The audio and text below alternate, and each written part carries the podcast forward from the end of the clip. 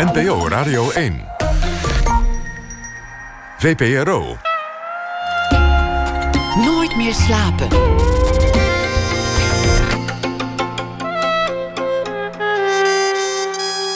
Met Esther Naomi Perquin. Goedenacht, welkom bij Nooit meer slapen.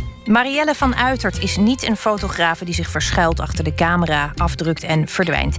Nee, in de conflictgebieden probeert ze zoveel mogelijk het verhaal achter de beelden mee te geven. En na ene spreken we de documentaire fotografe naar aanleiding van haar boek Duizend Ogen. En Gaby Hermans komt langs, de zoon van Toon Hermans. Dit jaar wordt gevierd dat de cabaretier 100 jaar geleden werd geboren. En dat gebeurt onder meer met een boek met foto's uit de privécollectie. Tegenover mij zit nu Guido Hendricks. Hij werd geboren in 1987 in een artsengezin. En zelf wist hij niet precies wat hij wilde, dus hij begon ook maar aan een studie geneeskunde. Maar zijn interesse in de mens bleek niet op het medische vlak te liggen. Hun morele dilemma's, verborgen verlangens, de kloof tussen wens en werkelijkheid, daar wilde hij mee bezig zijn. Hij stapte dus over naar Liberal Arts and Sciences aan de Universiteit Utrecht. En vanaf dat moment ging het eigenlijk heel snel.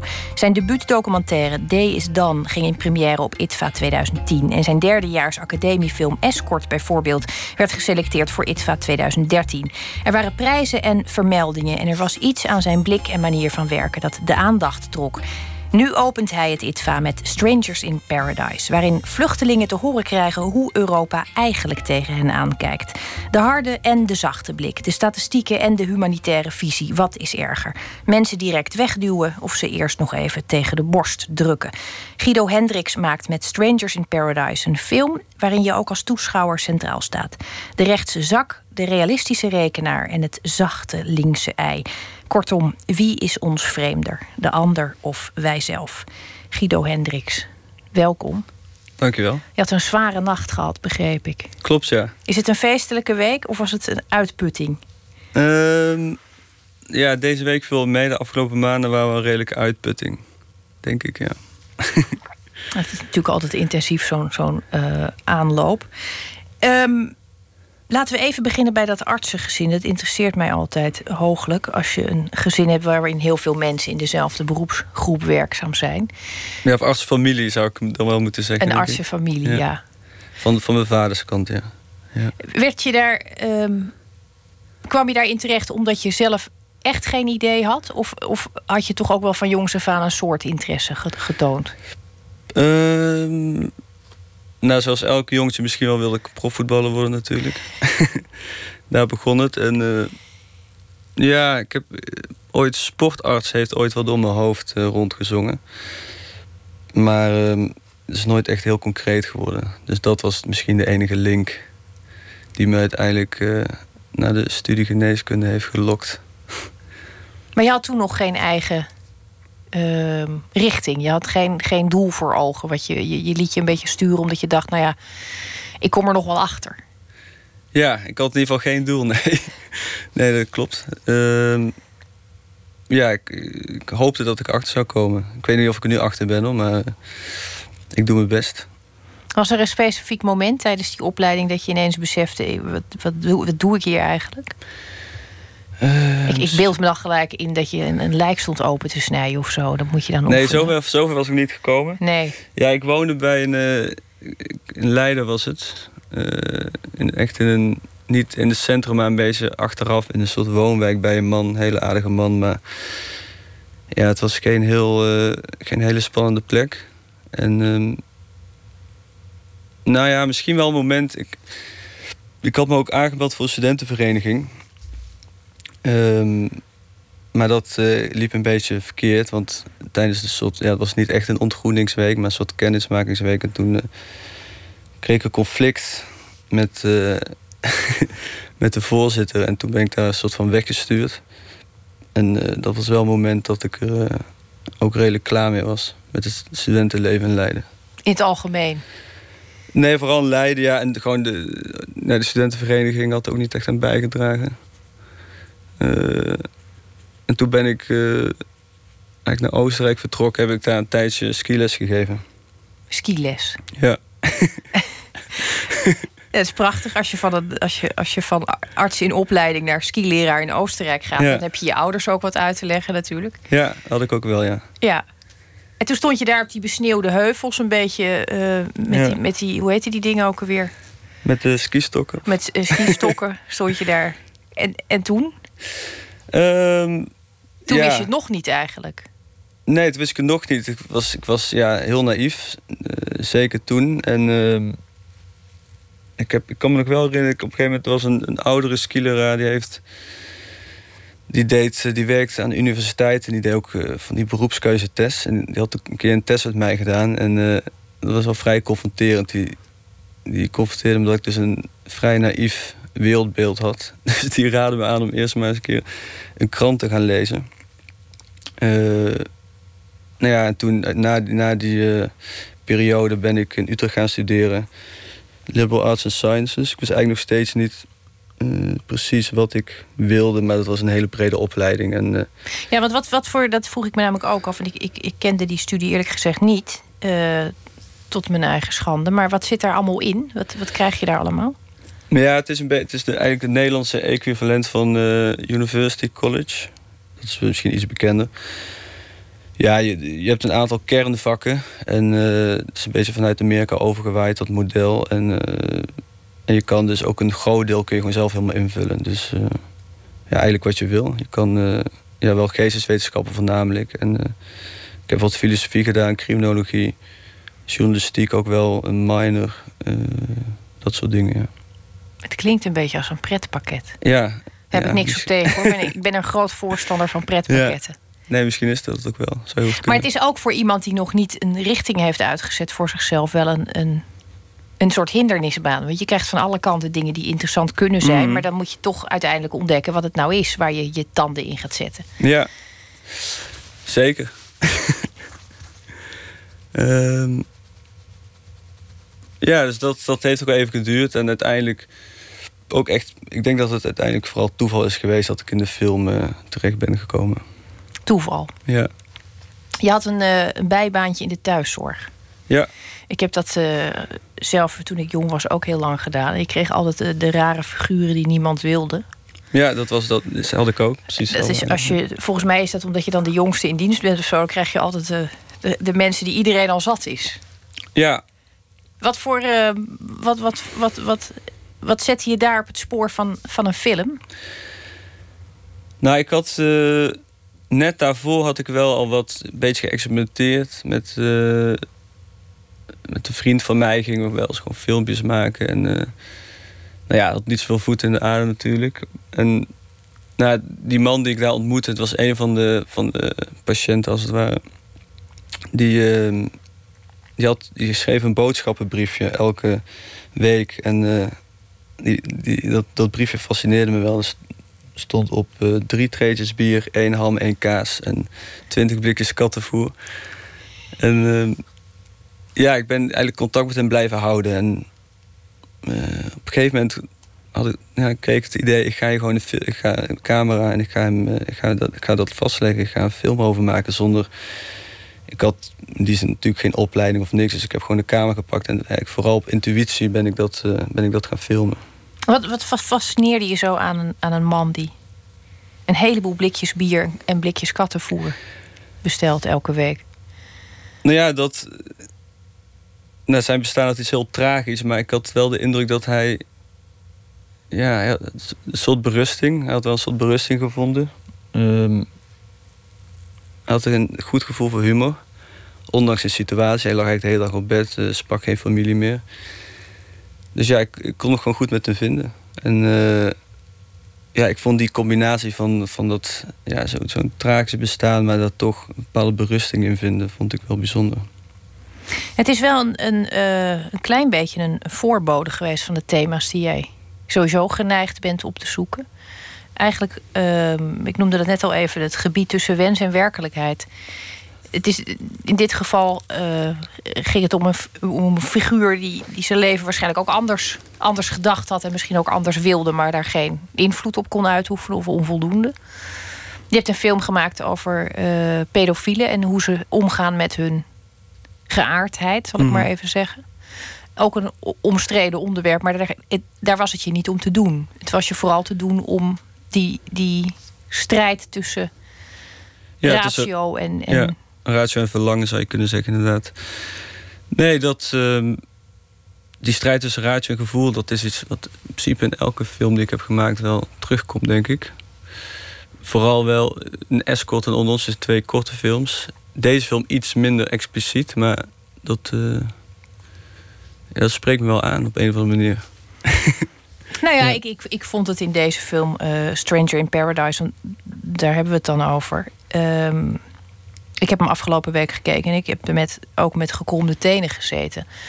Omdat ik, ehm, nou ja, je, je ziet eh, vluchtelingen die net eh, zijn aangekomen, die hebben de grote oversteek gewaagd. En die Hmm. krijgen te horen hoe Europa over ze denkt. En die rol van Europa wordt eigenlijk vertolkt door, door een acteur. Ja. Hij doet dat, eh, vond ik, meesterlijk. Maar hij gaat dus. Nou, hij neemt eigenlijk alle posities in die je in kunt nemen. Ik noemde het net al even een zacht ei. Hij is op een gegeven moment ook een ontzettende softie. Hij kiest ook de harde kant, de, de PVV-toon.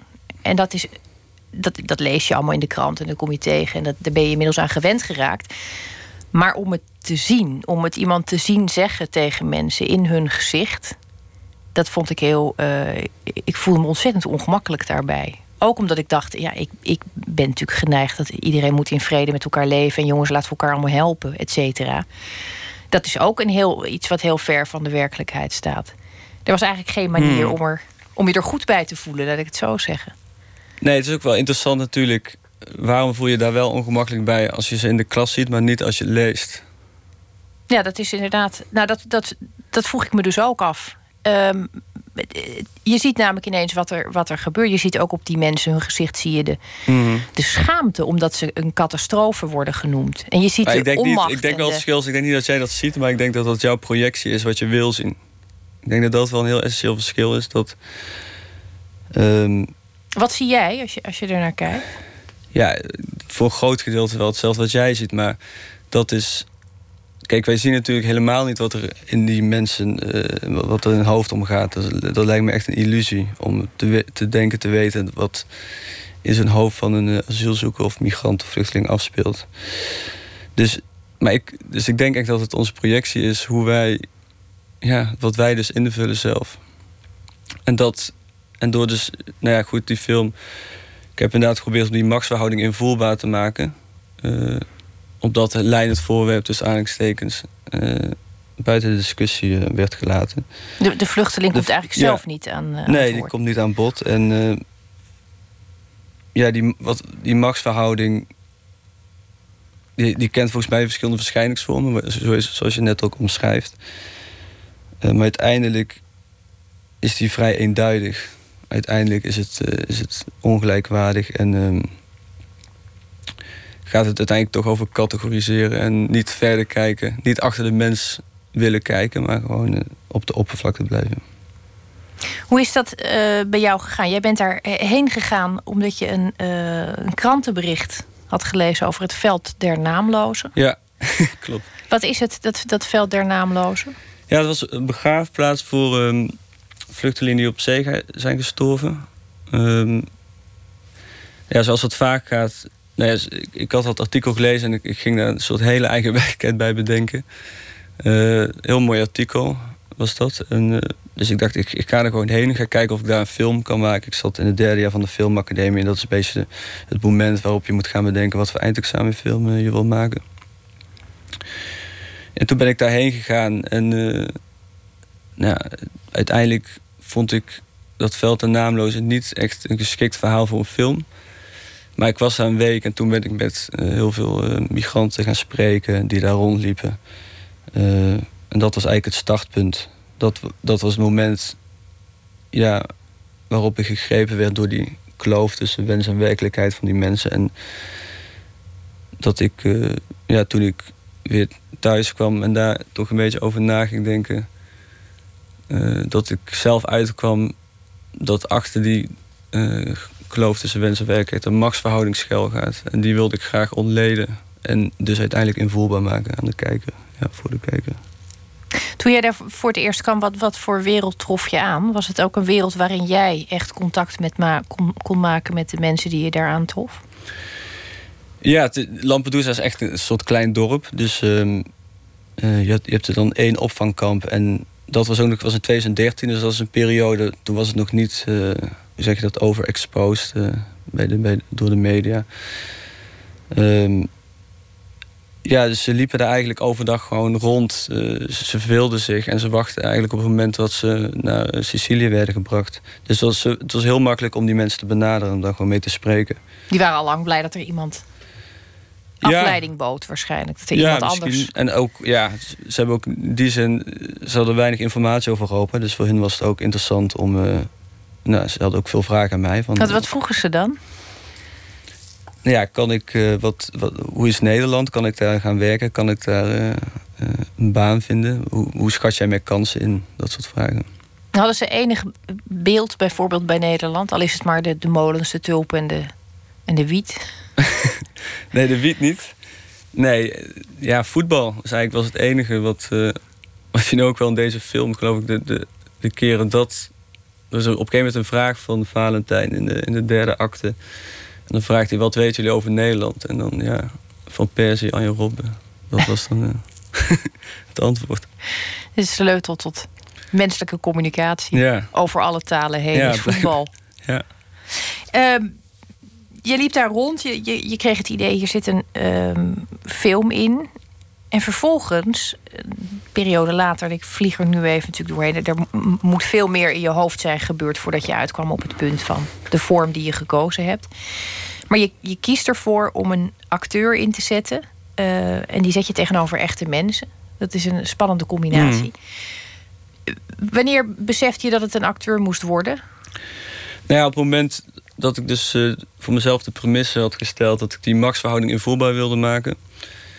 Uh, wat, wat een vrij het is natuurlijk uiteindelijk heel theoretisch.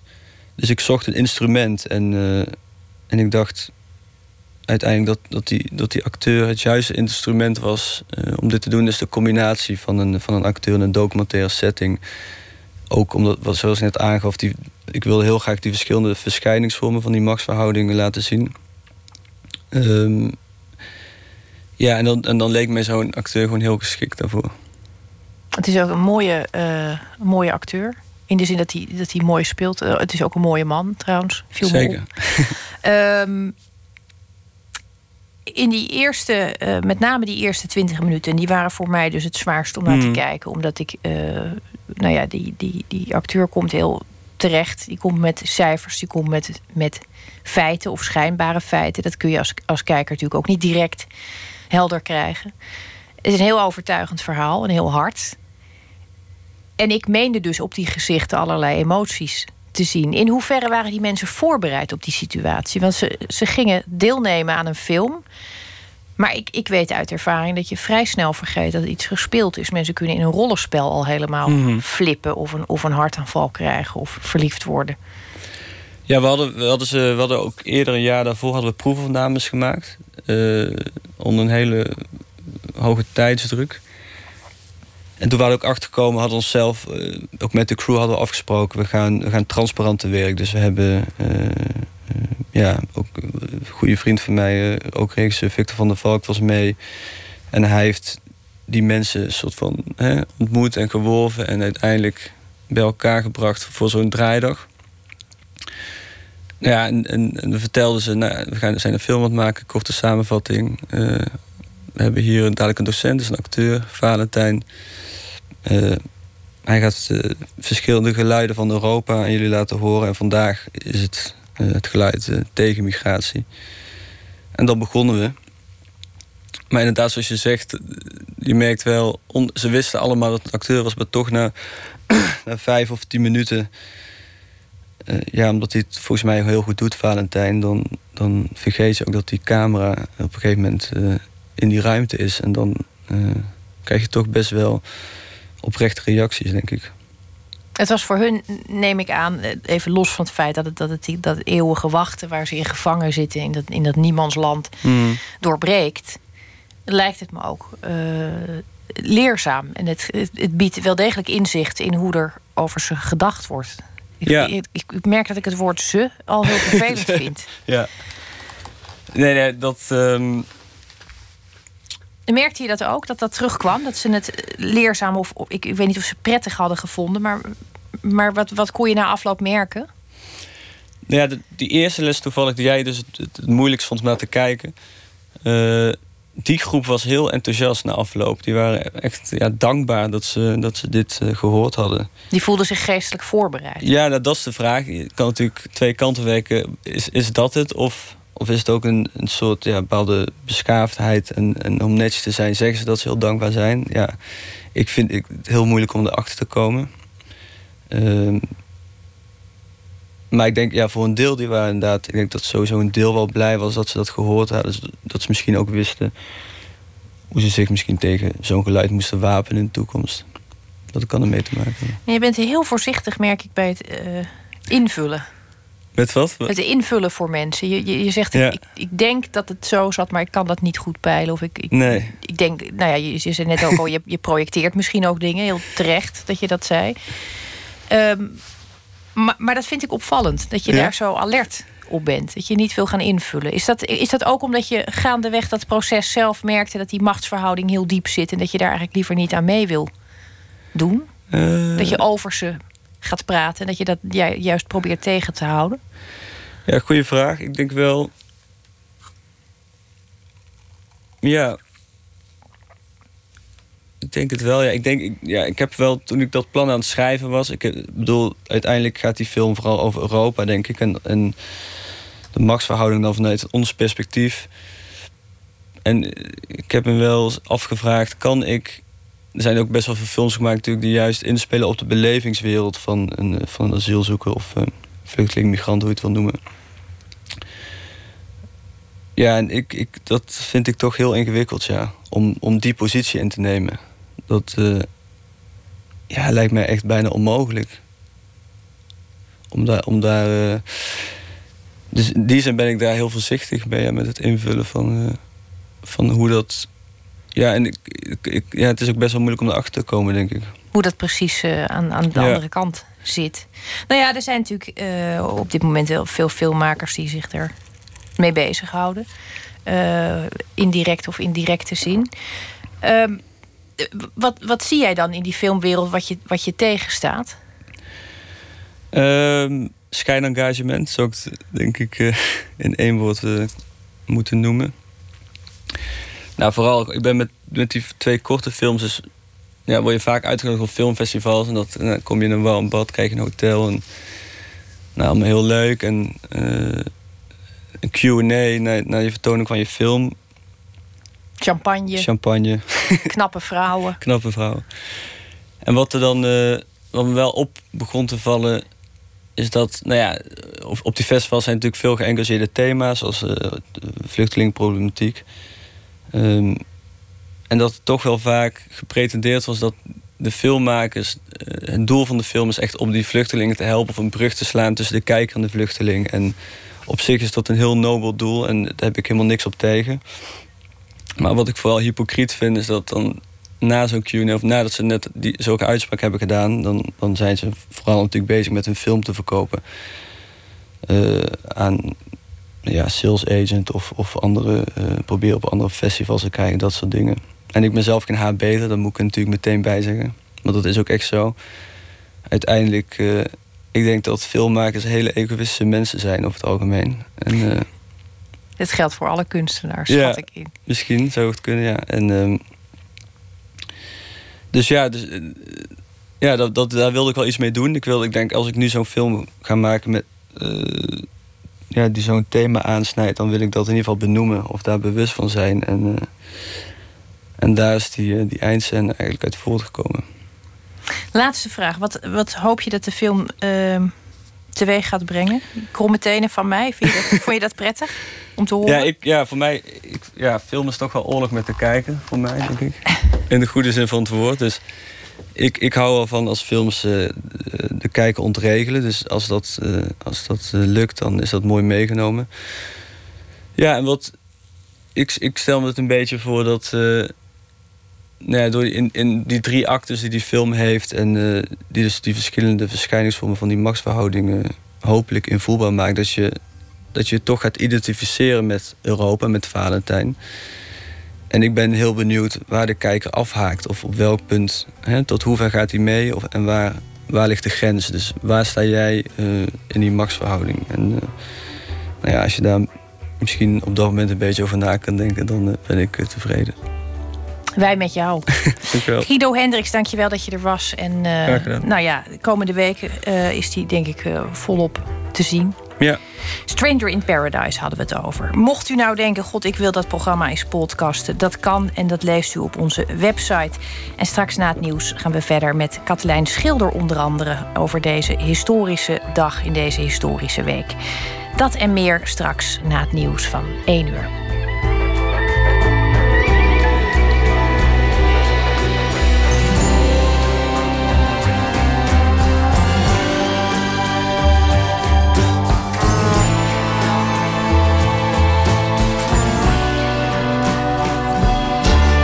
Radio 1. Het nieuws van alle kanten.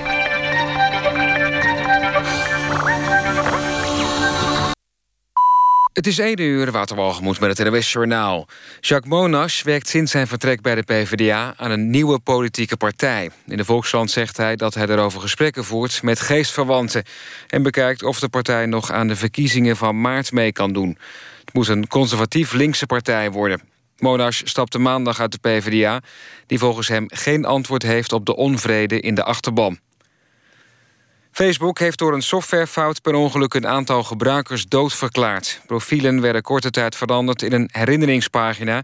voor nabestaanden van overleden gebruikers. Ook de pagina van Facebook-topman Mark Zuckerberg zelf werd per ongeluk veranderd. Tegenover Amerikaanse media noemde een woordvoerder van het bedrijf... de aanpassing van de profielen een verschrikkelijke fout die nu is hersteld. Het is onduidelijk hoeveel Facebook-gebruikers zijn getroffen. De nieuwe Amerikaanse president Trump denkt erover Obamacare deels voor te zetten. Trump had tijdens zijn campagne geen goed woord over... voor het zorgverzekeringssysteem van zijn voorganger. Maar in het eerste interview na zijn overwinning zegt Trump... dat hij bepaalde delen mogelijk wil handhaven. Het gaat om de bepaling dat verzekeraars verplicht zijn... mensen met gezondheidsklachten aan te nemen... en de bepaling dat kinderen kunnen worden meeverzekerd met hun ouders. Ook in België worden de pieten bij het Sinterklaasfeest aangepast.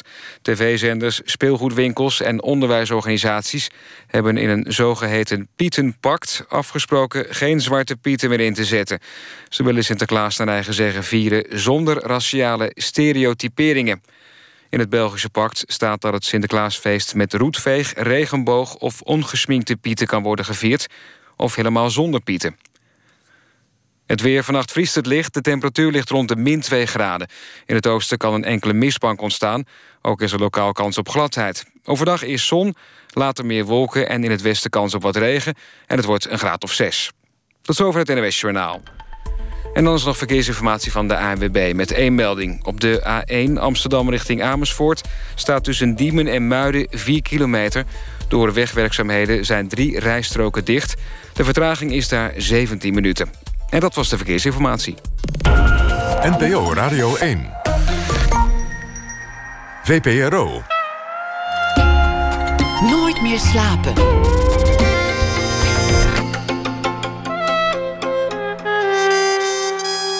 Met Esther Naomi Perquin. Welkom terug bij Nooit meer slapen. Fotografe Marielle van Uiterst reist reist naar verschillende conflictgebieden om naar eigen zeggen contact te maken. Hoop centraal te stellen en angst geen kans te geven. En hoe ze dat doet, daar komen we straks achter. We spreken haar over haar boek Duizend Ogen. En ter gelegenheid van de viering van 100 jaar Toon Hermans heeft zijn zoon een selectie foto's uit het familiealbum gekozen. Gaby Hermans is dit uur te gast in de rubriek Open Kaart. En natuurlijk draaien we dit uur muziek van de Canadese zanger en dichter Leonard Cohen, die afgelopen nacht op 82-jarige leeftijd het tijdelijke voor het eeuwige verruilde. Maar we beginnen met Katelijn Schilder. Zij is auteur van twee romans, De Eenling en Eerst een Huis. En deze week is zij onze gastschrijver en schrijft ze bij de actualiteit. En wat een week is het geweest. Katelijn, goedenacht. Dag Esther. Ik kan me voorstellen dat jij na deze week denkt, dat doe ik nooit meer. Nou, ja, dat, op woensdag dacht ik dat wel. maar uh, ik moet toch ook zeggen dat het me misschien ook wel een beetje geholpen heeft. Zo elke dag een verhaaltje. Ja? Ja, nou, het, er waren zo er waren een miljoen verhalen deze week. En om er dan gewoon één te kiezen... En daarin door te dringen? een ordening of zo in je hoofd. Nou, dat, ja. Ja. deden ze het maar eens voor mij als ik al die kranten weer door moet Ja, lezen. nee, ja nee, ik was wel. Ik, ik merkte dat ik gisteren wel echt op zoek wilde naar iets, eh, iets vrolijkers. Iets hoopvols. En toen werd dat het gewoon. Dus toen werd het ook een iets vrolijker dag. Ja, nou, dat, we, we- we ben- zijn ontzettend benieuwd wat je nu nog voor ons in petto hebt. Aan het Ja. einde van deze toch turbulente rit door de week. Ja, ik, ik probeerde een beetje door eh, mijn oogharen naar afgelopen week te kijken. Eh, want er, kwam, er was vandaag ook weer gewoon eh, heel veel. Hè? Ook met Ton Elias, die dan weer weg moest terwijl hij niet wilde. En het ook als een enorme verrassing voor hem kwam. En dan Trump. En nou ja, het ging maar door. En Leonard Cohen, die ging ook nog eens dood. Alsof, nou, dacht, ik dacht, nou. Dus ik dacht, ik moet gewoon afstand nemen en dan een beetje terugkijken. En, ehm, en toen viel het me ineens op, zag ik ineens allemaal mannen strak in pak. En pratend met een zeer eh, voelbare hooghartigheid. En terwijl ik zo door mijn oogharen naar die mannen keek... luisterde ik natuurlijk non-stop naar de muziek van eh, Leonard Cohen. En zo ontstond er ineens een verhaaltje. Nou, wij gaan er, er met plezier naar luisteren. Oké. In al die jaren dat Ton Elias nu op het Binnenhof rondliep... was de Dirk van den Broek aan de overkant van het plein hem nooit opgevallen. Maar ineens zag hij hem. Juist vandaag. Zodra Ton het filiaal betrad, sloeg hem een vrieskou om het lijf. Hij knoopte zijn jasje dicht, zette zijn kraag omhoog, maar het hielp niets. Uit de supermarktspeakers klonk Leonard Cohen. Zag hij het goed? Daar was Rutte, gehurkt bij de 10 kilo zakken kruimige aardappelen. Ton sloeg snel linksaf het gangpad in. Aan het eind van het vriesvak stond Jacques Monache met twee bakjes saté en aardappelkroketten. Vanuit een ooghoek zag Tom hem staan. Hij draaide zich snel van hem weg, pakte een bak slagroomijs en liep naar de koffie. Een ongrijpbare spanning hing hier in het gangpad, in alle gangpaden. Waar was die Monache nu, dacht Tom. Zou hij al bij de kassa staan? Bij de schoonmaakmiddelen zag hij ineens Willem-Alexander. Drie flessen bleek rolden in zijn mandje naast een pak mergpijpjes.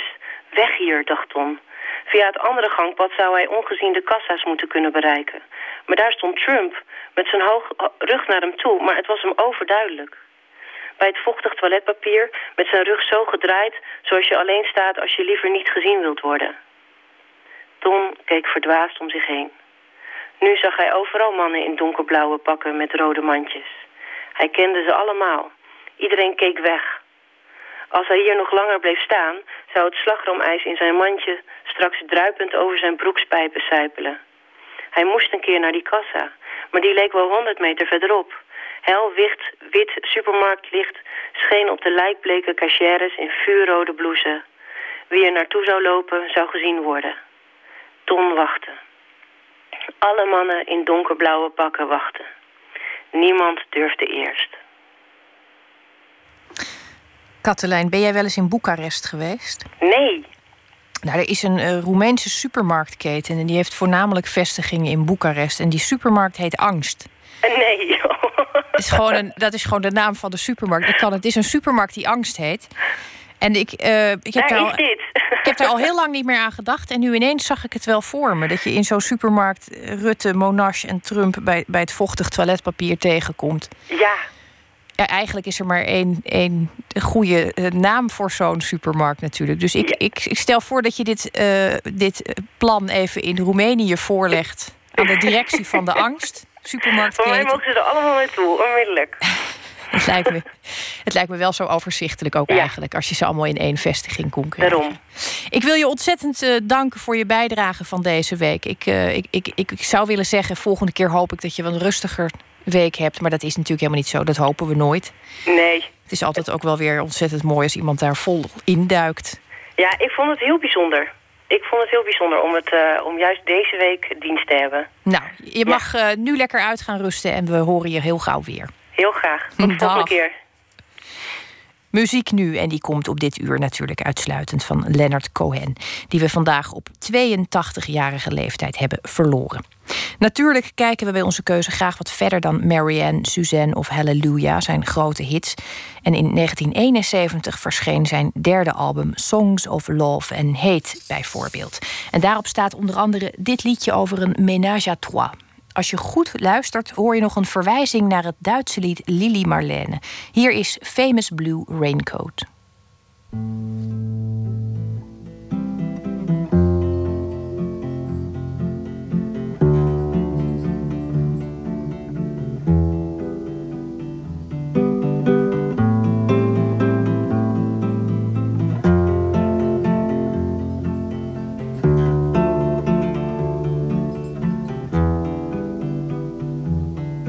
It's four in the morning, the end of December.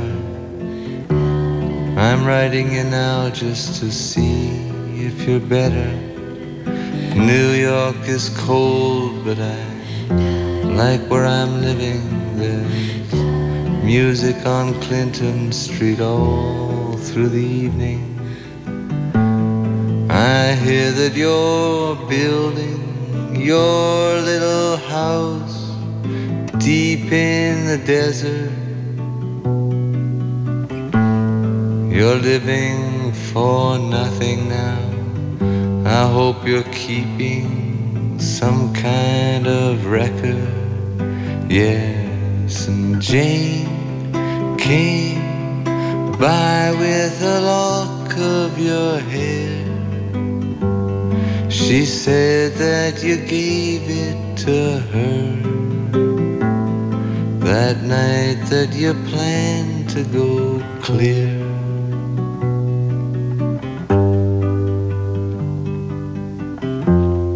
Did you ever go clear?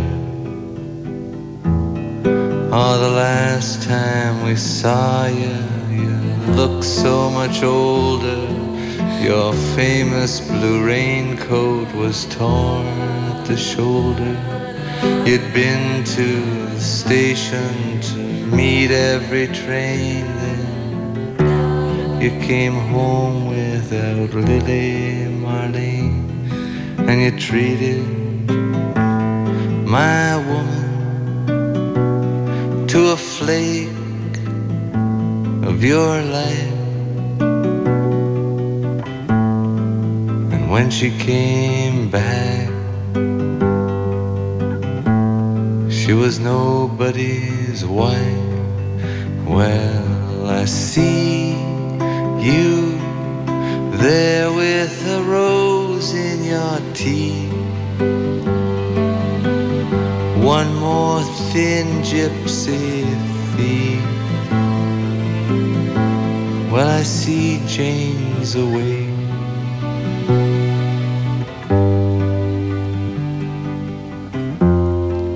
Sends her regard.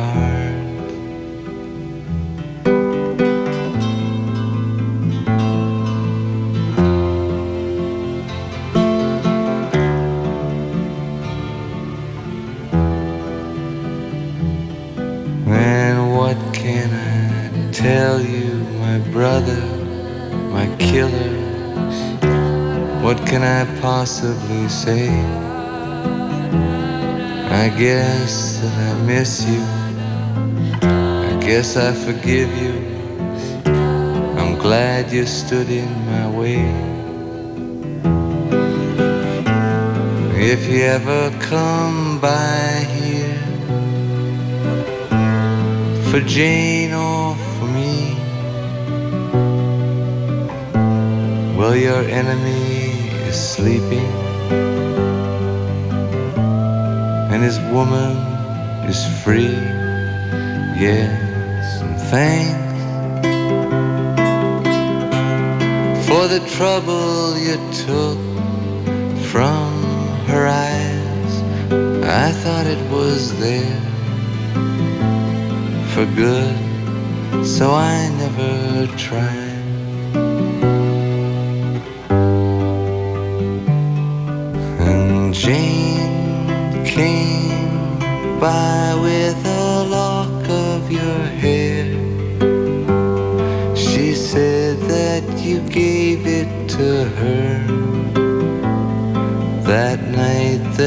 plan to go clear.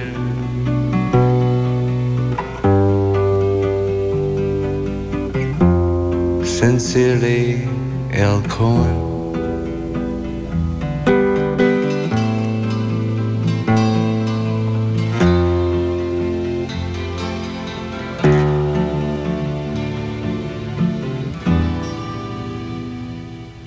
Famous Blue Uit 1971. U hoorde Leonard Cohen. Nooit meer slapen. Duizend Ogen, zo heet het nieuwe boek van fotojournalist Marielle van Uitert. Het boek is een beeldverslag van alle reizen die ze de afgelopen acht jaar maakte. Vaak naar de brandhaarden van de wereld. Maar ook naar die landen waar mensen in onderdrukking vaak niet de voorpagina's halen. Duizend ogen vol wanhoop, maar ook trots. Ontzetting, maar ook kracht. Machteloosheid, maar ook hoop. Verslaggever Paul de Bond zocht Marielle van Uitert op.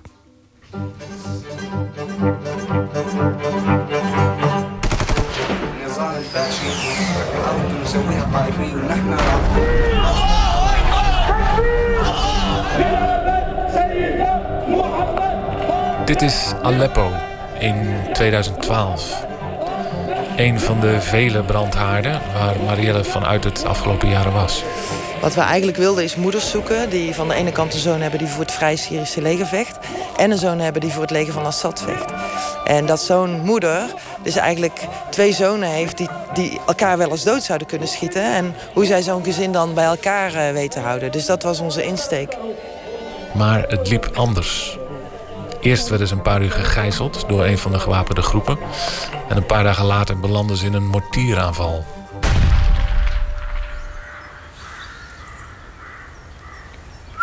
En dit is Vught, onder de rook van Den Bosch. Fijn hier, hè? Ik vind het hier zo fijn. Ja, dit is dan maar een simpel grasveldje. Maar hierachter liggen de bossen en daar gaan wij altijd, uh, altijd heen. Ja. Die keuze voor Vught is niet helemaal toevallig. Kamp Vught is hier vlakbij natuurlijk. En ja, mijn opa heeft daar nooit over gesproken. Die heeft uh, een jaar of twee jaar vastgezeten.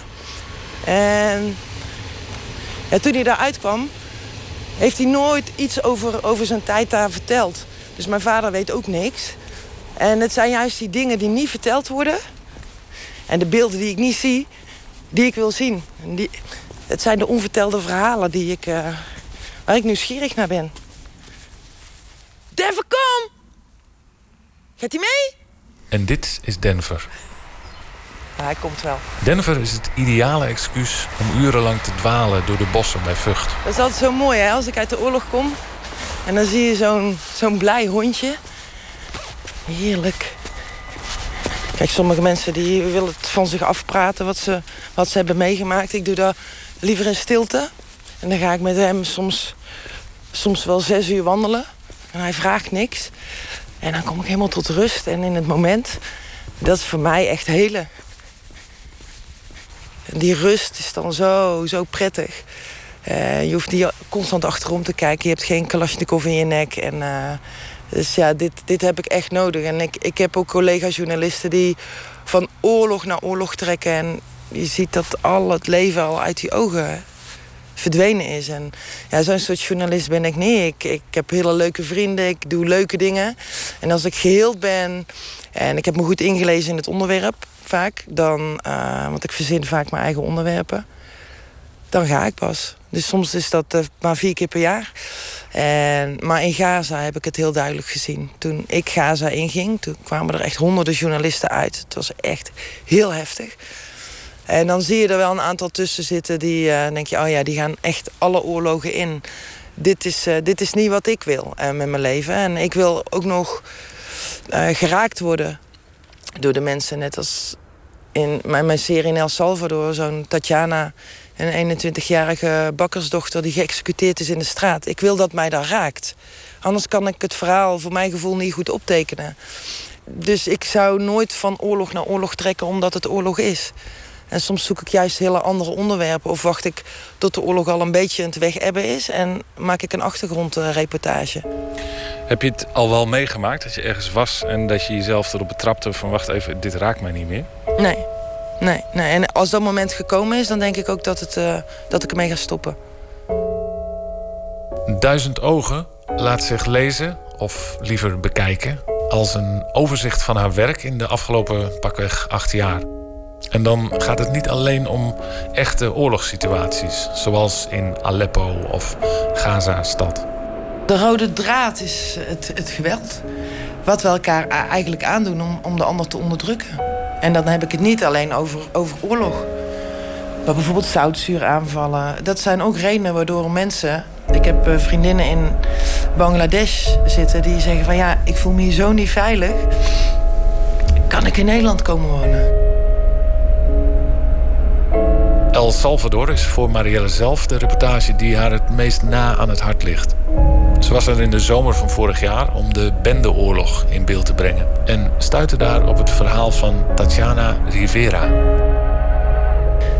Ja, je ziet er hier um, 21-jarige bakkersdochter. Ze was heel actief in de kerk, uh, had een zoontje. En ja, zij bracht eigenlijk dagelijks uh, brood rond. Zoals hier het SAV-karretje vroeger. Bracht zij op haar fiets in een grote mand die voor op haar fiets stond. Bracht zij, bracht zij, uh, verkocht zij broodjes. En um, ja, ze had dus een zoontje van vier. En ze, ze werd door haar, uh, door haar vrienden en de mensen in de kerk ook omschreven als een hele lieve, lieve jonge vrouw. Heel zorgzaam, ook door haar moeder en haar vader. En ja, je ziet haar hier liggen met een uh, zak om haar handen. Dat is om eventueel te kijken of ze, als ze verkracht is... of uh, dat ze aangevallen is of er nog DNA onder haar nagels te vinden is. Een heel raar beeld, vind ik zelf. En, uh, maar ze is dus op haar ronde dat ze broodjes rondbracht... is ze door vier mannen, er waren een aantal getuigen... die haar hebben, midden in de straat hebben geëxecuteerd. En haar vader fluisterde ze in, in, in mijn oor. Uh, het zou wel eens kunnen zijn, ze was getuige van een uh, bende gerelateerde moord. En dat ze bang waren dat ze zou gaan spreken en haar het uh, zwijgen hebben opgelegd op deze manier. En hier stond, 20, 30 meter verder, stond haar moeder. En die zag dus hoe haar dochter in een, in een witte zak werd weggebracht. En ik, ik kan jou honderd foto's laten zien van uh, bendeleden die geëxecuteerd uh, in de straat liggen en zo. Maar dit, dit is zo'n kwetsbaar. Je ziet haar hier in haar BH liggen en die, die hand. Het is een heel kwetsbaar. En je, je ziet gewoon aan, aan haar gezicht dat het gewoon een lief, onschuldig The Girl Next Door is. Dus dat maakt het zo voor mij heel, heel naakt eigenlijk. Kende je haar voordat ze werd geëxecuteerd? Nee. Nee, want wij gingen met het uh, forensisch team mee. En wij gingen al die lijken ophalen, min of meer. En op die manier probeerden we een, ergens een ingang te vinden. Um, om de follow-up met de familie te doen. Wat doet zo'n zo'n moord met je? En ja, en zij was de derde eigenlijk. We hadden al twee, uh, twee jongens die uh, in de straat waren doodgeschoten, in een zak gewikkeld en achterin. En toen kregen we een telefoontje van: uh, Oh, we hebben nog een, nog een moord. En ja, toen zagen we dus inderdaad dat Tatjana daar, daar lag. Hier ligt Tatjana en hier liggen de andere twee gangleden. En dan lig je in zo'nzelfde ruimte. Dan wordt de sectie verricht. En een dag later werd ze, werd ze begraven. Want dit is echt zo'n zo'n steriele onderzoeksruimte. Ja. Zo idioot van die, van die hangende vleesweegschalen. Oh, het was echt afschuwelijk. Ik heb daar. Ja, dat, dat was echt voor mij heel zwaar. Uh, dan ziet het mensenlichaam er ineens heel anders uit. En, maar ik. Maar ja, je wil wel alles te weten komen. Je wil weten hoe is ze geëxecuteerd, waar, waar zijn de kogels uh, terechtgekomen. En uh, ja, dan komt die familie het lichaam ophalen. En dan, nou ja, dan wordt zo'n verhaal heel persoonlijk. En ja, dat is wel mijn ding.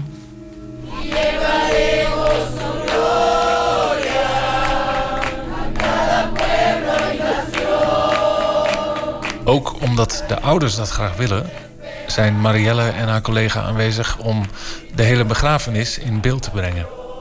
Maar dat is niet ongevaarlijk. Begrafenissen van bendeleden willen nog wel eens eindigen in een nieuw bloedbad. Maar zowel Loretta en ik hadden allebei zoiets van... maar dit moet. Ja, het loopt dan natuurlijk zo. Uh, anders hadden we een ander slachtoffer uitgekozen om, uh, om het verhaal aan op te hangen. Maar dit, dit, dit konden we niet laten gaan. En we maakten de familie ook heel erg blij mee. Dus het was het was win-win voor, voor, voor allemaal. En die ouders zijn ons ook hebben ons op de knieën bedankt. En we hebben ze vastgehouden. En zeiden, dit is zo goed dat je, dat ze niet voor niks gestorven is en dat ze een naam krijgt.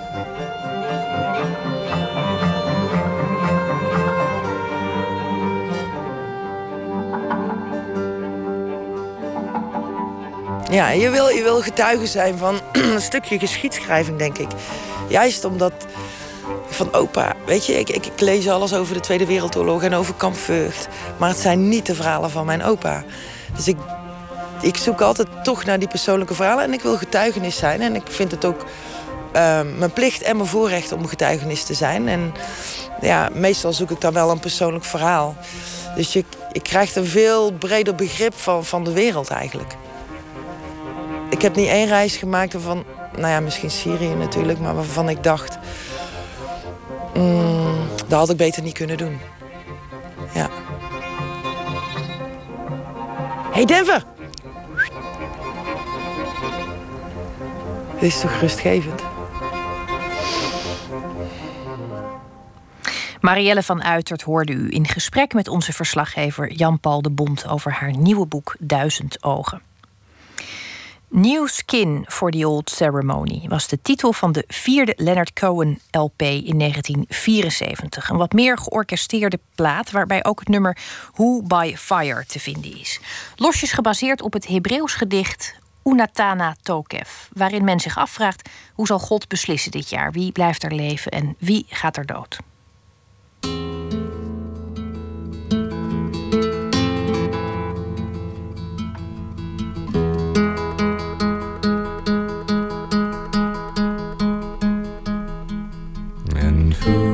By fire? Who by water?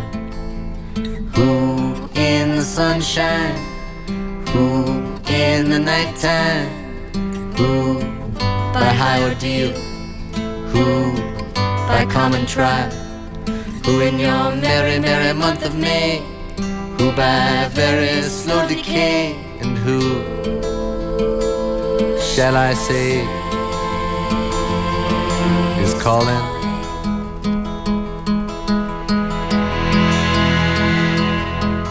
And who in her lonely slip, who by barbiturate, who in these realms of love, who by something blind, who by avalanche, who by powder, who for his greed his hunger, and who shall I say is calling?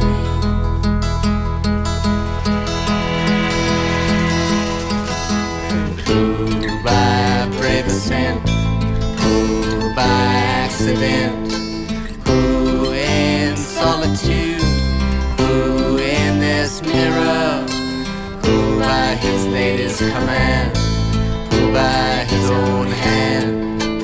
Who in mortal chains, who in power, and who shall I say is calling?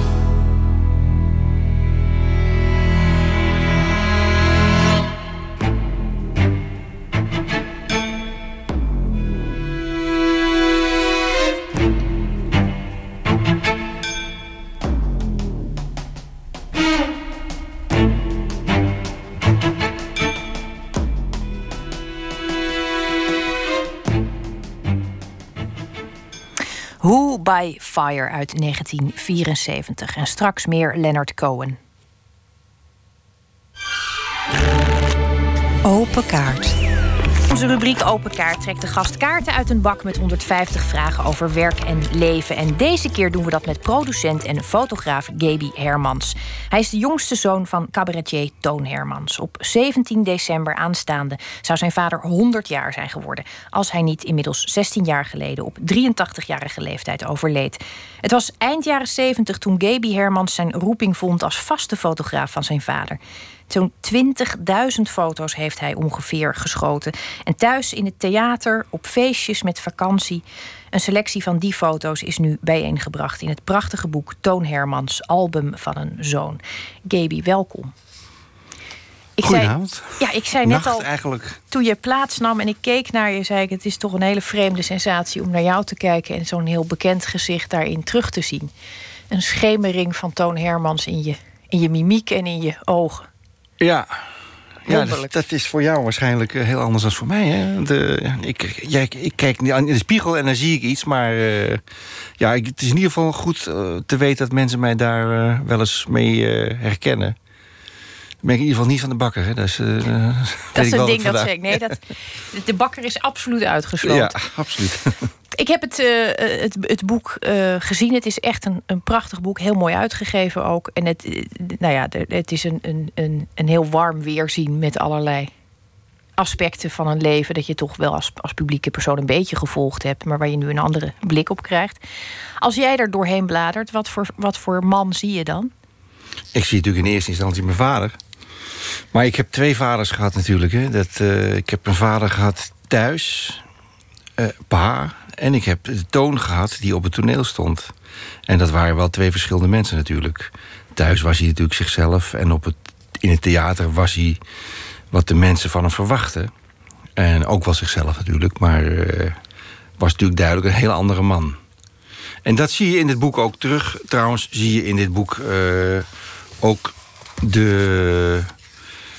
Dat heb ik een beetje ge- geprobeerd te, erin te leggen. De hommage aan mijn ouders. En, en ook eh, de liefde die zij voor elkaar hadden. En ja, als je vanaf pagina 1 tot aan het eind bladert, dan zie je, zie je hun, hun hele leven zo'n beetje voorbij komen. En daar. eh, ja, dat, dat vond ik erg mooi. Ik heb dat eh, natuurlijk niet alleen gedaan hoor. Zo'n boek, eh, trouwens, ik heb helemaal geen verstand van boeken. Maar eh Natasja Hofman, die de artdirectie over het boek gedaan heeft... die heeft mij daar verschrikkelijk bij geholpen. En ja, het is een, ik denk dat het een hele mooie... klein beetje kunstzinnige samenstelling is geworden. Want er staan een paar foto's in die je niet zo 1, 2, 3 zou kiezen. Maar die wel heel goed een bepaalde sfeer en een bepaalde drama in hun leven weergeeft. Je zegt het wel heel mooi. Ik heb twee vaders gehad. Liepen die vaders voor jou wel eens in elkaar over? Waren die werelden voor jou ook allebei toegankelijk? Ging je mee naar theaters? Groeide je daarmee ja, op? Ja, ik ben er eh, echt mee opgegroeid, mag ik wel zeggen. Eh, ik was een bijzonder slechte student.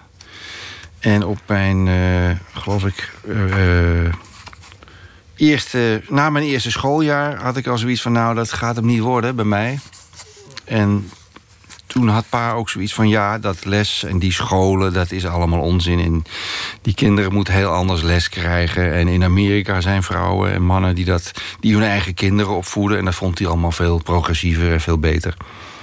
Dus toen werd ik gewoon van school afgehaald. En eh, trok eigenlijk met hun mee door de theaters heen. En ik kreeg een, eh, op, mijn, op, op mijn zevende geloof ik, kreeg een privélerares.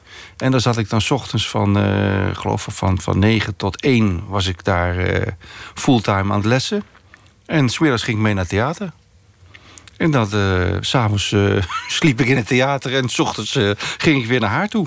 Dus ik ben eigenlijk opgegroeid backstage, zou ik maar zeggen.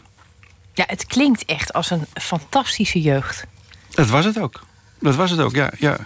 Je hoort heel veel eh, kinderen met verschrikkelijke verhalen over hun jeugd. Ik heb alleen maar mooie verhalen over mijn jeugd eigenlijk. Dat is eh, heel vervelend en helemaal niet dramatisch. Maar eh, ik ben in allerlei fantastische theaters opgegroeid. Er is in het boek, en dat, dat, dat zag ik toch ook er doorheen... een hele prominente rol voor je moeder weggelegd. Ja. Je, je, voelt in dat boek eigenlijk dat het als een soort eh, speel van het gezin... of misschien wel het, het kacheltje waar iedereen rond schaarde... Ja. Ja, ik heb wel eens gezegd, het was het blok beton waar het hele zootje aan vasthing. en dat, dat is absoluut waar. En dat, dat zie je ook eh, op de fotootjes die, die, je, die je voorbij ziet komen. Oh, dan ga ik weer verkeerd zitten natuurlijk voor de microfoon. Even kijken wat, of ik wat kan vinden. Nee, natuurlijk net de verkeerde foto's allemaal. Maar Een hele mooie vrouw ook, viel me op. een prachtige vrouw, ja, ja zeker. Eh, vanaf. eh, als, je, als je die eerste foto's ziet uit haar jeugd, dan zie je wat voor, wat voor fantastische vrouw het was. Eh, Een beeldschoon. En, maar het was ook een supermoeder. En had af en toe eh, genoeg van het hele zootje. En dan stapte ze in haar autootje en dan reed ze naar Italië toe. En dan zei pa op een gegeven moment, waar is Maarten gebleven? En die was dan even een weekje weg, weet je wel. Dan had ze gewoon geen zin meer erin. Ik kan me ook heel vo- voorstellen dat het voor haar een heel zwaar leven is geweest. Na, natuurlijk iemand, naast iemand die constant in de belangstelling stond. En dat, eh, maar dat heeft ze altijd wel, eh, wel erg goed eh, gehandeld, geloof ik. Zeker vanaf de tijd dat ik er was. Dat, eh, toen was hij natuurlijk wat bekender en eh, toen hadden ze het wat beter. Dus dat, eh, dat ging erg goed. Je bent de jongste zo. Ik ben de jongste, ja. ja, ja. ja. Ik stel voor dat we kijken of we jou ehm, ook beter leren kennen. Als we geen foto's gebruiken, maar kaarten. Wil jij een greep doen uit onze beruchte, befaamde kaartenbak? Je mag overal. Ik, dan zal ik, helaas heb ik geen magische handen, dus nooit meer slapen. Oh, dat begint gelijk goed. Het kwartet meteen. Eh, welk bedrog is je sterk bijgebleven? Ja, jezus zeg, heb je nog andere? welk bedrog? Ja, de politiek natuurlijk, hè? dat is het grootste bedrog van de wereld. Dus eh, ik denk dat dat het sterkste bijgebleven is. Het, eh, en ook heel toepasselijk in deze tijd.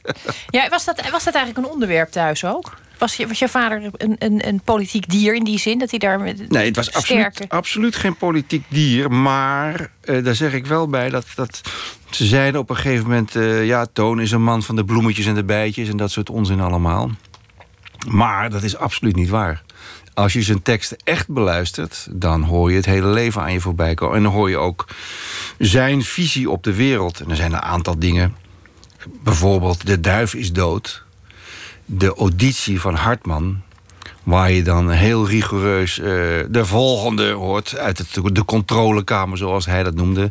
En dat was dan Jack Bemelmans, de grote producer, weet je wel. En eh, ja, als je dan nu ziet dat er zoveel talentenshows zijn en dat soort dingen. Nou ja, hij was de tijd eigenlijk heel ver vooruit.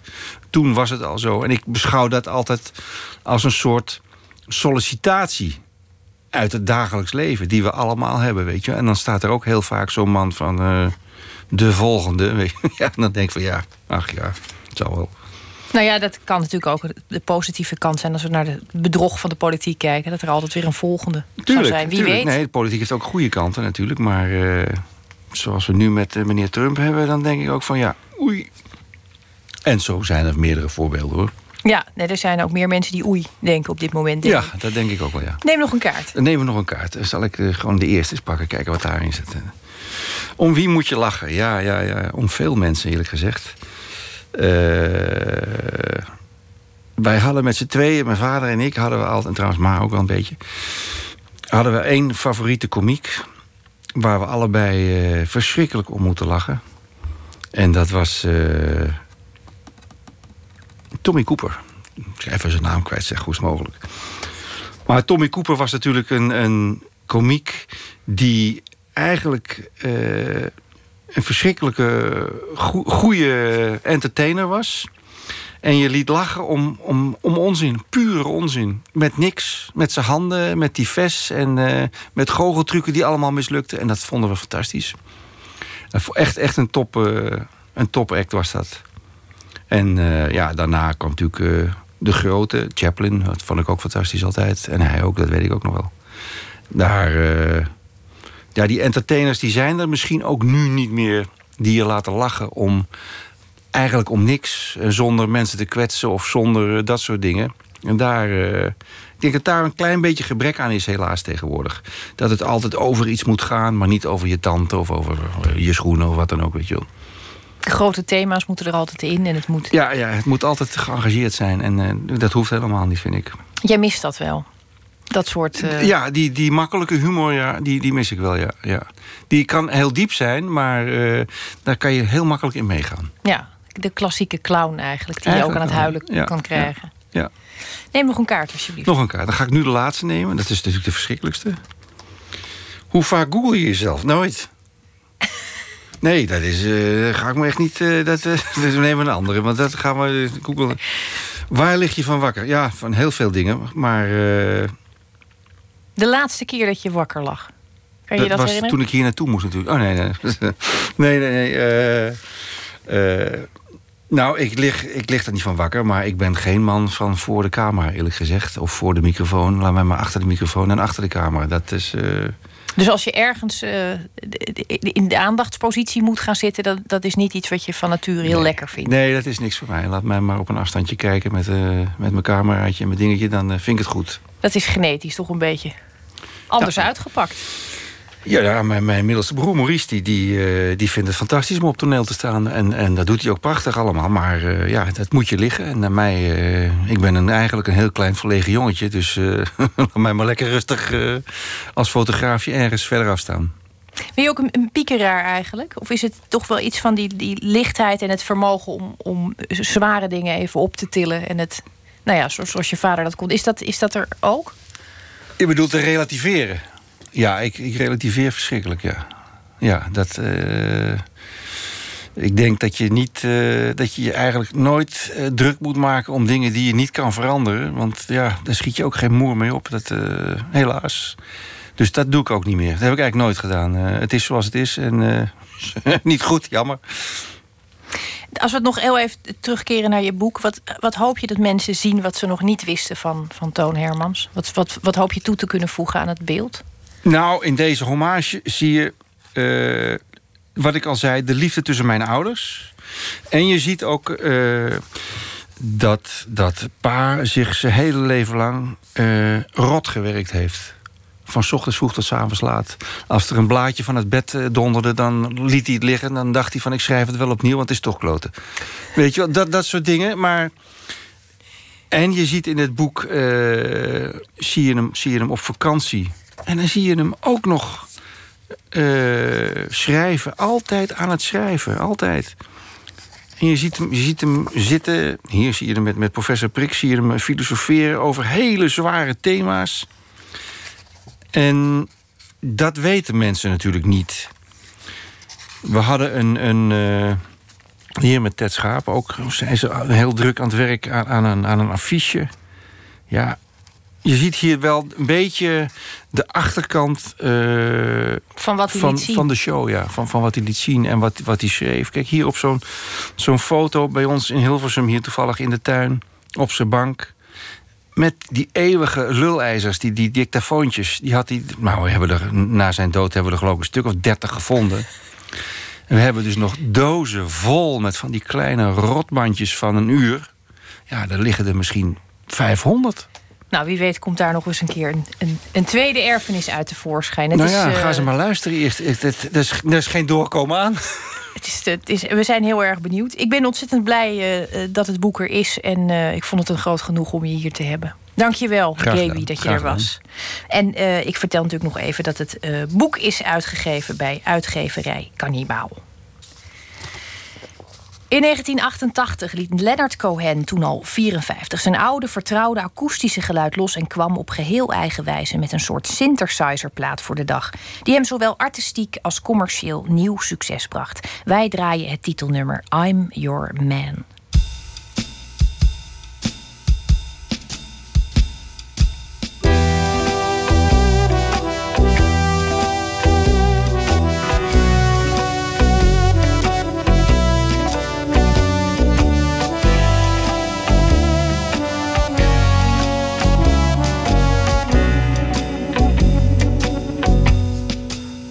If you want a lover, I'll do anything you ask me to. And if you want another kind of love, I'll wear a mask for you. If you want a partner, take my hand. Or if you want to strike me down anger, here I stand. I'm your man. If you want a boxer, I will step into the ring for you. And if you want a doctor, I'll examine every inch of you. If you want to drive climb inside. Or if you wanna take me for a ride, you know you can. I'm your man.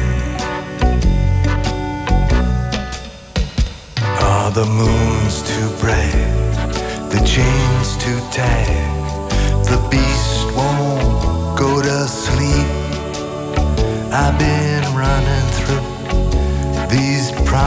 promises to you that I made and I could not keep.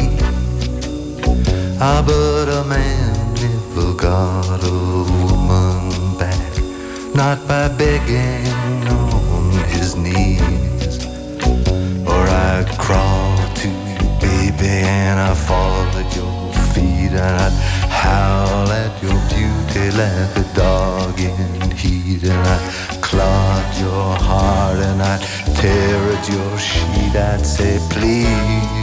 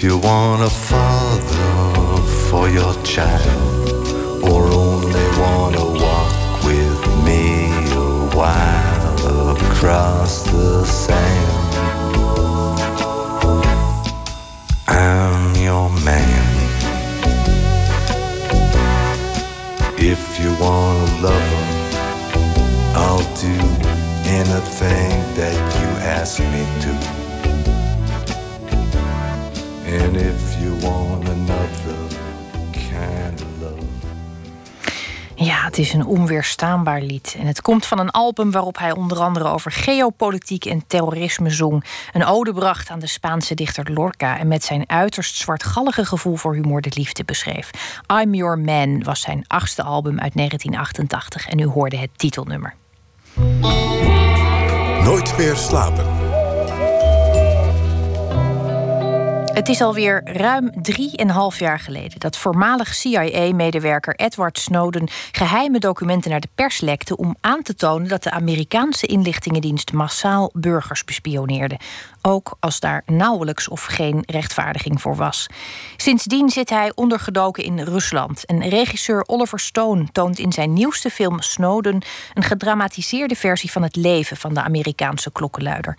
Verslaggever Luc Hezen vroeg het publiek wat ze van de film vonden. Nou ja, ik verwacht er eigenlijk heel veel van. Kijk, eh, die Snowden die is natuurlijk eh, ja, die heeft wel wat bekendgemaakt. En die is flink op de vlucht. Dus ja, het zou mij benieuwen. Omdat het iets met computers is en zo. En ehm er gaan allerlei dingen gebeuren. Ja, dat leek me eigenlijk wel spannend en zo. Het gaat namelijk over privacy schending en dat soort zaken. En dat vind ik wel interessant. Vooral in deze tijd, ik ben dat met social media en zo. Iedereen zit online natuurlijk. Het laat wel een beeld zien van hoe het zeg maar, is online gevolgd en getraced worden. Zeg maar. En ja, het is Oliver Stone en dat is toch een hele goede regisseur, vind ik hoor. ja. Why do you want to join the CIA? I'd like to help my country make a difference in the world. Think of it as a Google search, except instead of searching only what people make public, we're also looking at everything they don't. Emails, chats, SMS, whatever. Yeah, but which people? The whole kingdom. There's something going on inside the government that's really wrong, and I can't ignore it. I just want to get this data to the world. Heel eng, heel eng. En er zijn heel veel mensen die er iets naïver in staan. Die denken van, ja, ik zit lekker op Facebook en, en, en mij overkomt niks. Maar je, ziet in de- de- deze film dus dat het wel mogelijk is dat dat, dat, ze je gewoon kunnen volgen. Ja, ik vond het een leuke film. Interessant. Nou, niet in, ja, interessant, maar dat je denkt van... Oh ja, nou, zo kan het dus ook. Het gaat eigenlijk over iemand zeg maar, die werkt dus voor een hoge instantie, dus NSC, CIA, en die bepaalde opdrachten krijgt zeg maar, om mensen in de gaten houden. Dus de terrorismebestrijding bijvoorbeeld. Maar hij ziet zeg maar, ook dat het niet alleen maar gaat om terrorisme, maar ook dat hij zeg maar, duikt in onschuldige mensen die niks met die zaken te maken hebben. En eh, ja, dan denk je van ja, ik moet het dus inderdaad naar buiten gaan brengen. Erik Snowden. Ed, Edwin Snowden, ja. Kijk, en hij heeft natuurlijk asiel gekregen in Rusland. Maar ja, het liefst wil hij gewoon terug naar Amerika. De heftigste scène vond ik denk ik dat hij maar, in Genève zat. Dan gingen ze dat programma openen, dat X-projector volgens mij het heet. En dat hij gewoon precies kon zien wat mensen deden op Facebook. Dat het zo, zeg maar, zo lichtzinnig werd overgedaan van even hier kijken wat hij hier doet en zo. Dat vond ik best eng om te zien inderdaad. Nou, ik vond het niet schokkend, maar ik vond het wel leuk. Nee, nee, wat dat betreft, het is, het is natuurlijk altijd al Big Brother's Watching. Kijk, eh, meneer Wals heeft in 1983 zo'n boek geschreven. Dus eh, wat dat betreft, eh, alles is te trekken en te tracen. Hij komt op voor ons, zeg maar, voor de mensen zeg maar, die niet begrijpen wat er omgaat achter zo'n PC bij de FBI of de NRC. Wat ze allemaal kunnen zien in, in die gegevens. Dus ik vind het wel goed dat hij het heeft gedaan. We hebben in ieder geval eh, de wereld wakker geschud. Ik heb gewoon zo'n sticker over, over mijn webcam gepakt inderdaad ook. Niet dat ik iets verberg heb, maar het is gewoon privacy gewoon. Nee, nee, ik ben niet anders gaan denken over privacy. Kijk, en ik heb dus, eh, ja, in mijn familie heb ik een eh, neefje en die zegt er van... eh, Peter, denk daar aan, denk daar aan, dat uit, dat uit en dat, dat helpt. ja. ja, zo zit het. Ik vind gewoon alles voor jou. Daar, daar komt het een beetje op neer. Die pc, die desktop, die staat gewoon in mijn tweede slaapkamer. En als ik er niet ben, zit er niemand. Nou, dan kijken ze tegen mijn boekenkast aan. nou ja, ze doen hun best maar.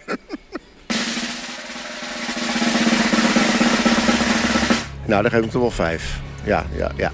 Eh, wel vier. Vier denk ik, vier. Ja. Goeie film, goede film. Snowden is in 34 bioscopen in Nederland te zien. En dit was een bijdrage van Luc Hezen. We gaan luisteren nog naar één nummer van Leonard Cohen. The Future.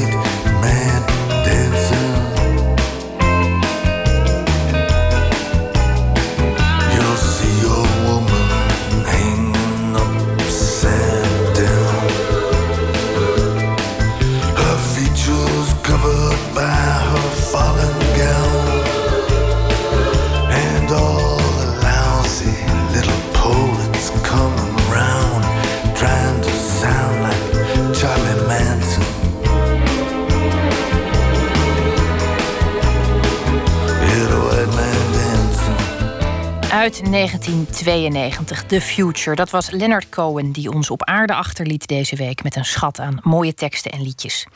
We hebben Daniel Vis gevraagd om vijf gedichten te selecteren uit eigen werk. En we hebben er nog één te goed. Interferentie 2, sectie 8.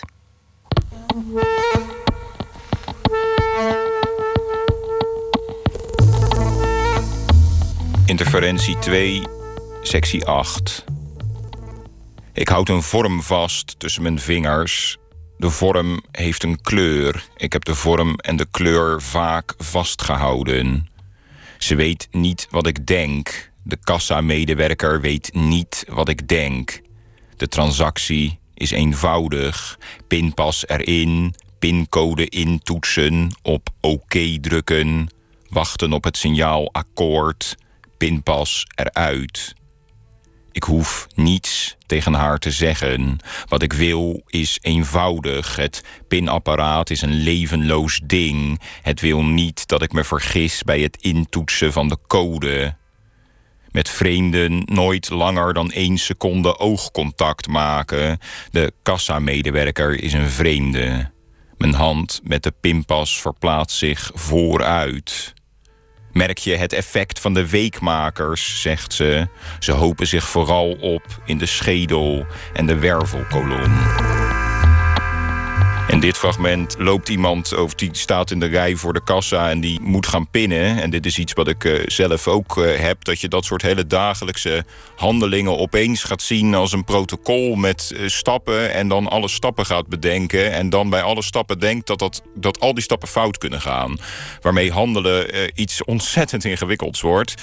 Dat heeft de ik-figuur hier ook. Hij heeft die pinpas vast en hij denkt van tevoren al wat er allemaal moet gaan gebeuren. En is dan ook nog feitelijk bevreesd dat het pinapparaat tegen hem gaat werken. En ook dat die kassamedewerker tegen hem gaat werken. En die opmerking van de kassamedewerker over weekmakers grijpt in op iets wat eerder in het gedicht gebeurt.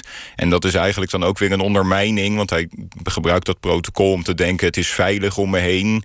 En die kassamedewerker weet opeens wel wat hij denkt. Die weet iets wat zij helemaal niet kan weten. En zegt dat tegen hem. En da- daarmee ondermijnt het fragment eigenlijk het, de procedure die de ik-figuur voor zichzelf gebruikt om eh, zich rustig te houden in de supermarkt. Interferentie 2, sectie 8. Ik houd een vorm vast tussen mijn vingers. De vorm heeft een kleur. Ik heb de vorm en de kleur vaak vastgehouden. Ze weet niet wat ik denk. De kassamedewerker weet niet wat ik denk. De transactie is eenvoudig. Pinpas erin, pincode intoetsen, op oké drukken, wachten op het signaal akkoord, pinpas eruit. Ik hoef niets tegen haar te zeggen. Wat ik wil is eenvoudig. Het pinapparaat is een levenloos ding. Het wil niet dat ik me vergis bij het intoetsen van de code. Met vreemden nooit langer dan één seconde oogcontact maken. De kassamedewerker is een vreemde. Mijn hand met de pinpas verplaatst zich vooruit. Merk je het effect van de weekmakers, zegt ze. Ze hopen zich vooral op in de schedel en de wervelkolom. De karakteristieke bruingebakken stem van Daniel Vis. Volgende week hoort u Joke van Leeuwen. Ik vertel nog iets over maandag. Dan komt filmregisseur Coco Schreiber langs. Ze maakt documentaires. How to Meet a Mermaid heet haar nieuwe film... die op ITVA in première gaat volgende week. Dat onder meer maandag, dan zit onze eigen Pieter van de Wielen hier weer. Straks kunt u luisteren naar Jeroen van Kam bij Woord. En ik wens u voor nu een hele mooie nacht.